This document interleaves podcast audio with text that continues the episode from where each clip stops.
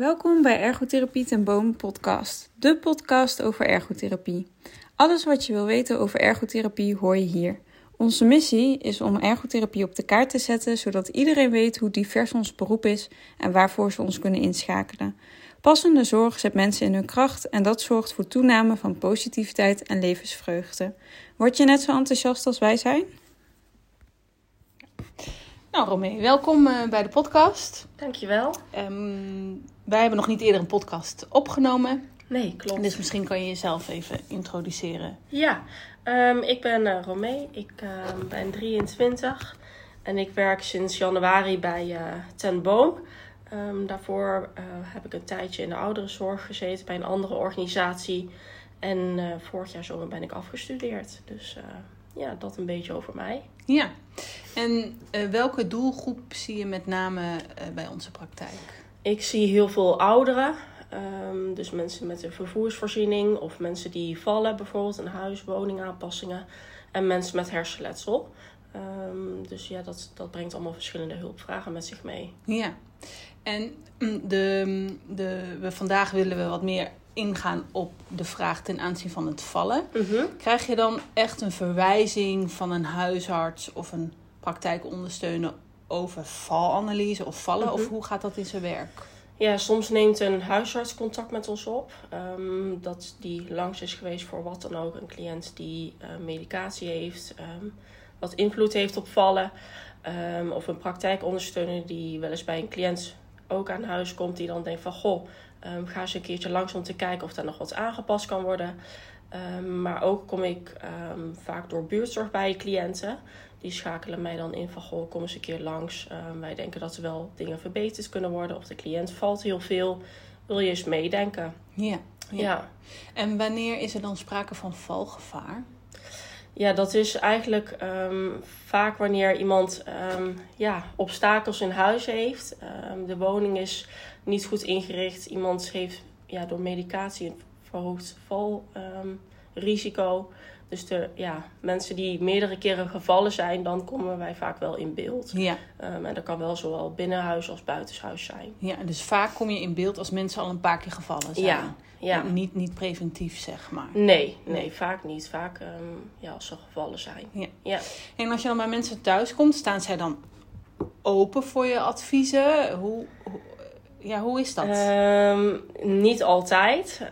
Um, Sommige mensen die vinden het heel fijn als je komt, omdat ze zelf ook wel een keer wat gebroken hebben, bijvoorbeeld. Um, maar dan toch zo lang mogelijk nog thuis willen wonen. En die staan er dan wel heel erg voor open. Um, maar je ziet ook bijvoorbeeld mensen met cognitieve problemen. Um, dat die daar toch dan wat minder voor openstaan. Die zien het probleem misschien niet zo. Nee, die zien het probleem niet. Kom je doen? Ja, ja, precies. Of als bijvoorbeeld vaak de, de huisarts of een assistent is geweest, dat ze dan denken van ja, uh, wat kom je doen? Um, ook wel eens dat mensen geen idee hebben wat ergotherapie überhaupt kan betekenen. Mm -hmm. um, dus dat ze dan überhaupt al op voorhand hebben zoiets van ja, uh, wat doe jij? Alles gaat goed. Ja. Dus ja, dat niet altijd iedereen staat ervoor open. Nee. Maar vaak zien ze wel wat je kan betekenen.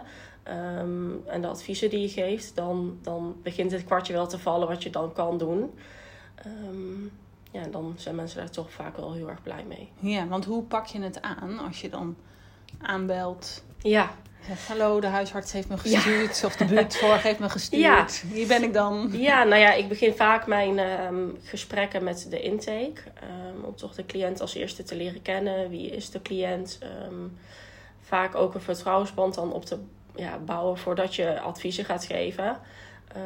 want ik kan me ook voorstellen dat... Ja, wat kom jij als vreemde hier doen en jij komt mij vertellen wat ik moet doen. Ja. Um, dat hebben wel veel mensen. Dus als je dan toch wat meer geïnteresseerd bent in je cliënt, wie is de cliënt, uh, wat doet hij of zij, dat je dat dan ook ja, beter kan vertellen um, waarom ja. wat adv welk advies is. Ja, en dan nou, heb je intake gedaan. Hoe ja. ga je daarna te werk?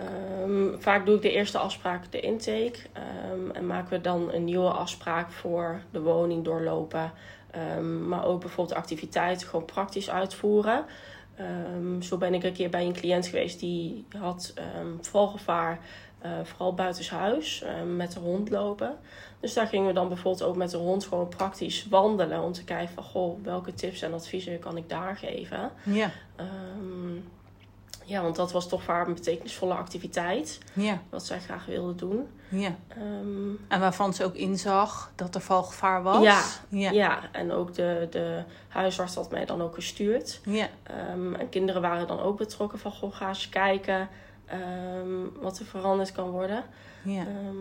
Dus ja, dan krijg je eigenlijk van meerdere kanten wel te horen van, goh, ga eens een keertje meekijken. ja. En, en wat voor tips heb je toen gegeven? Hè? Weet je dat nog? Ja, nou ja, mijn vrouw liep eerst zonder eh, loophulpmiddel. Ehm, en we hebben wel het advies gegeven om dat met loophulpmiddel te doen. In deze een rollator. Ehm, en ja, me- ja, het is heel lastig, vooral met zo'n hond uitlaten. Eh, want je moet de hond in de gaten houden en de hond kan trekken. Ja. Ehm, om dat dan toch veilig te gaan doen. Dus we hebben gekeken van, goh, wat zijn dan de rustige momenten op een dag? Eh, dat er dan weinig mensen bijvoorbeeld met een hond lopen. Oh ja. Ehm, zodat er dan ja, zo min mogelijk kans is dat de hond gaat trekken. Dat er onverwachte dingen gebeuren. Ja. Ehm, waardoor dan mevrouw gaat vallen in dit geval. Ja. En helemaal voorkomen kan je het toch niet. Nee. Ehm, maar je kan wel de kans verkleinen. ja. En heb je ook nog gekeken naar de route die ze liep? Of hoe de stoeptegels erbij lagen? Ja, Of, ook eh, dat nog. ja. Ja. Het is dan ehm, ja, niet altijd even praktisch om op onverharde wegen, bijvoorbeeld op zandpaden of dat soort dingen te gaan lopen.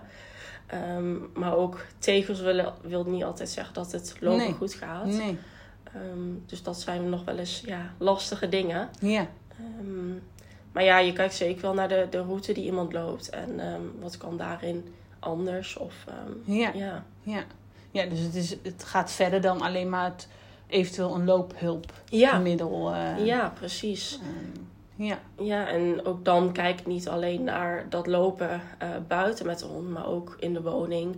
Ja. Ehm, en dan pak je hem veel breder dan alleen dat buiten lopen. Ja. Ehm, ja, want waarom gaat het buiten niet goed en zou het binnen wel goed gaan? Ja. Ja. ja. En zijn er, merk jij in de loop der tijd van de, bij de mensen bij, bij wie je bent geweest, eh, dat er bepaalde momenten zijn of bij bepaalde handelingen dat het vallen meer voorkomt? Ja, veelal in de keuken. Ehm, mensen die willen ehm, koken, dingetjes aan het aanrecht doen, maar die, ja, die staan dan te lang. En dan gaan ze, ehm, zakken ze door de benen heen. Of die gaan naast een stoel bijvoorbeeld zitten, dat ze dan of dingen niet goed op de rem zetten. Maar ook in een woonkamer waar kleedjes liggen, vallen mensen vaak. Of überhaupt plekken waar een kleedje ligt. Ja. Ehm, mensen vallen ook vaak in een douche. Ehm, omdat het glad is bijvoorbeeld na het douchen. Ja. Ehm, of dat ze in de douche staan en daar uitglijden. Ja. Eigenlijk zijn er heel veel plekken waar mensen kunnen vallen. Ja. Niet alleen door obstakels die er in het huis zijn. Nee. Maar ook door bijvoorbeeld medicatie. Waardoor ze duizelig kunnen worden. Of te snel opstaan van een stoel. Ja. Ja. dus ja, er speelt veel meer dan alleen die obstakels. Ja, precies. Ja. Het is meer dan alleen maar kijken naar de omgeving. Ja. Maar je merkt wel dat als mensen moe worden of waar gladheid is. En kleedjes, ja, dat is natuurlijk een veel gehoord Ja. advies, hè. Kleedjes weg. Eh, ik weet uit ervaring dat daar ook altijd weerstand op is. Ja, Want het staat zo gezellig, of het is klopt. lekker warm. Ja. Ja, hoe is, Ja. hoe is jouw ervaring daarin?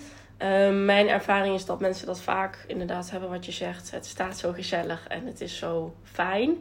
Ehm, en wanneer iemand alleen woont, dan is dat lastiger om die boodschap over te brengen dan wanneer er bijvoorbeeld nog partner of kinderen in beeld zijn. Ja, Ehm, maar je probeert vaak wel de achterliggende gedachten eraan uit te leggen. ja, wat het ze kan opleveren, maar ook wat voor gevaar het met zich meebrengt. En welke gevolgen dat dan hebben Ja. als ze dan wel vallen. Bijvoorbeeld een, een botbreuk en dan dat soort dingen. ja, ja. Ja.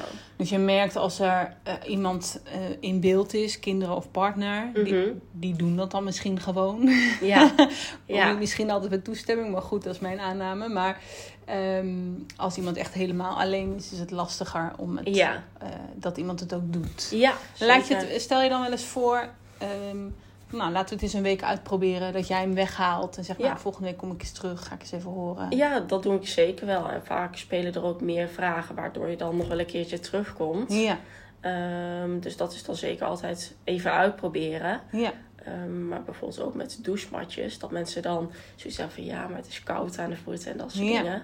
ja, En wanneer je het dan bijvoorbeeld weghaalt, dat ze dan merken dat het veel beter gaat. Ja. En ehm, ik laat mensen vaak ook zien bij je mat van goh, hoe makkelijk struik je er überhaupt overheen. Ja. En hoe makkelijk blijf je erachter hangen. En Ja. dan, eh, Ja. dan zien ze vaak het gevaar er ook wel van in. Ja. Ja. ja. En ehm, je noemde al net van, hè, ik, ga, ik kijk verder dan alleen maar de omgeving. Ik kijk Mhm. ook naar medicatie. Ehm, ehm, gebru- daar gebruik je de valanalyse voor. Dat is Klopt. een bepaalde vragenlijst. Kan Mhm. je daar wat meer over vertellen? Ja, de valanalyse dat is door Veiligheid NL gemaakt. Ehm, en die gaat eigenlijk verschillende gebieden af. Ehm, ja, in het dagelijks leven. Bijvoorbeeld ook schoenen, gezichtsvermogen, duizeligheid, dat soort dingen. En die kijkt naar meer aspecten dan alleen ja, dat vallen in de woonomgeving. Ehm, en vaak neem ik dat zelf ook al wel mee in mijn intake. Ehm, Ja. Hoe is iemands zicht? Ehm, hoort iemand nog goed? Hoe zijn de schoenen die iemand aan heeft? Want het is allemaal van invloed ja, de kans van vallen. ja, ja. Ja. zeker. En ook medicijnen. Dus er zijn heel veel dingen die daar invloed op hebben. Ja. En als je dat dan hebt afgenomen, die vragenlijst heb je doorgenomen, wat dan? Ehm, zelf schrijf ik altijd een, ehm, ja, een brief met al mijn adviezen. Ehm, die stuur ik per mail naar cliënt toe of naar de, een van de kinderen of partners. Of ik breng hem eventjes langs. om dan te laten zien hoe dat dan, ja, wat mijn adviezen daarin dan zijn. En dan plan ik eigenlijk altijd ook nog een afspraak in na een paar weken om te kijken van goh, hoe gaat het nou met de cliënt? Wat zijn de adviezen geweest? Ehm, heeft iemand dat opgevolgd? Ehm, welk resultaat heeft Ja. het? Of zijn er nog andere dingen waar iemand tegenaan loopt? Ah, mooi. Dus je, Ja. je, je checkt ook echt na een aantal weken of eigenlijk dat Mhm. adviezen opgevolgd zijn of geïmplementeerd zijn. Ja, zeker. Ja. En ehm, kom je dan vaak tegen dat, het, dat er niks mee gedaan is of minder dan dat jij zou willen? Vaak luisteren mensen wel naar wat je dan zegt. Ehm, ja, want van Of ze weten, oh, ze komt nog. Laat ik Ook dat, even eh, ja. goed doen. Ja, maar niet iedereen eh, doet dat. Maar dat merk je vaak ook al wel bij de, bij de intake en de, bij, de, ja, bij het doorlopen van de woning. Dat iemand dan denkt van ja, ik eh, ga er niks mee doen. Mhm. Ehm, Die zeggen, hm, hm, maar die doen nee. ja, dus dat merk je vaak al wel snel. Ehm, en dat is, ja, dat is ook prima. Ja, Ehm, dat is dan denk ik aan hun. ja. Maar Maar hoe ga je het- daar dan mee om? Want stel dat iemand cognitieve problemen heeft en het niet Ja. zo inziet. Ja, Maar de huisarts vindt het wel belangrijk en jij ziet het. En toch gebeurt het niet. ja, ja, dat is heel lastig. Ja. Ja, dan kan je nog kijken van, goh, kan iemand zoals de, de ondersteuner van de huisarts, kan die er nog wat mee? Ehm, of ja, mensen, andere mensen van buitenaf, eh, kinderen, ehm, familie, zorg. Ja. Ehm, Zo koppel je, koppel je Ja. terug, dit is wat ik gedaan heb. Maak merk. ja, En dan hoop je via andere ingangen. ja. Ja. Ja, en als mensen vaak dan toch een keer vallen. Ehm, en je hoort dat dan terug van bijvoorbeeld de zorg. Dat je dan toch nog een keer langs gaat en kijkt van... Goh, hè, u bent gevallen. Kunnen er nog dingen anders? Of wa- wat is er toen dat het Ja. advies niet op is gevolgd? En Ja. staat u er nu wel voor open? ja. En soms nemen mensen ook, maken wel bewust een keuze. Hè, Mhm. van, eh, dat, dat ze dat risico dan nemen. Ja. Ja. Ja. Hoe lastig misschien ook voor ons dan als hulpverlener. Ja. Eh, ja. Nou, ik heb eigenlijk geen vragen meer. Heb jij nog aanvullingen hierop? Nee, ehm, alleen ik denk wel dat, dat, ja, dat vallen wel een steeds groter probleem gaat worden. Ja? Ehm, ja, de, de, we krijgen steeds meer oudere mensen in, in onze samenleving. Ehm, en als ik al, alleen al zie dat in 2021 ruim 100.000 mensen op de spoedeisende hulp zijn beland. Ja. waarvan één op de drie dan zelfs nog in het ziekenhuis ligt Ja. met dat vallen. Denk ik dat het wel een steeds groter probleem Ja. wordt.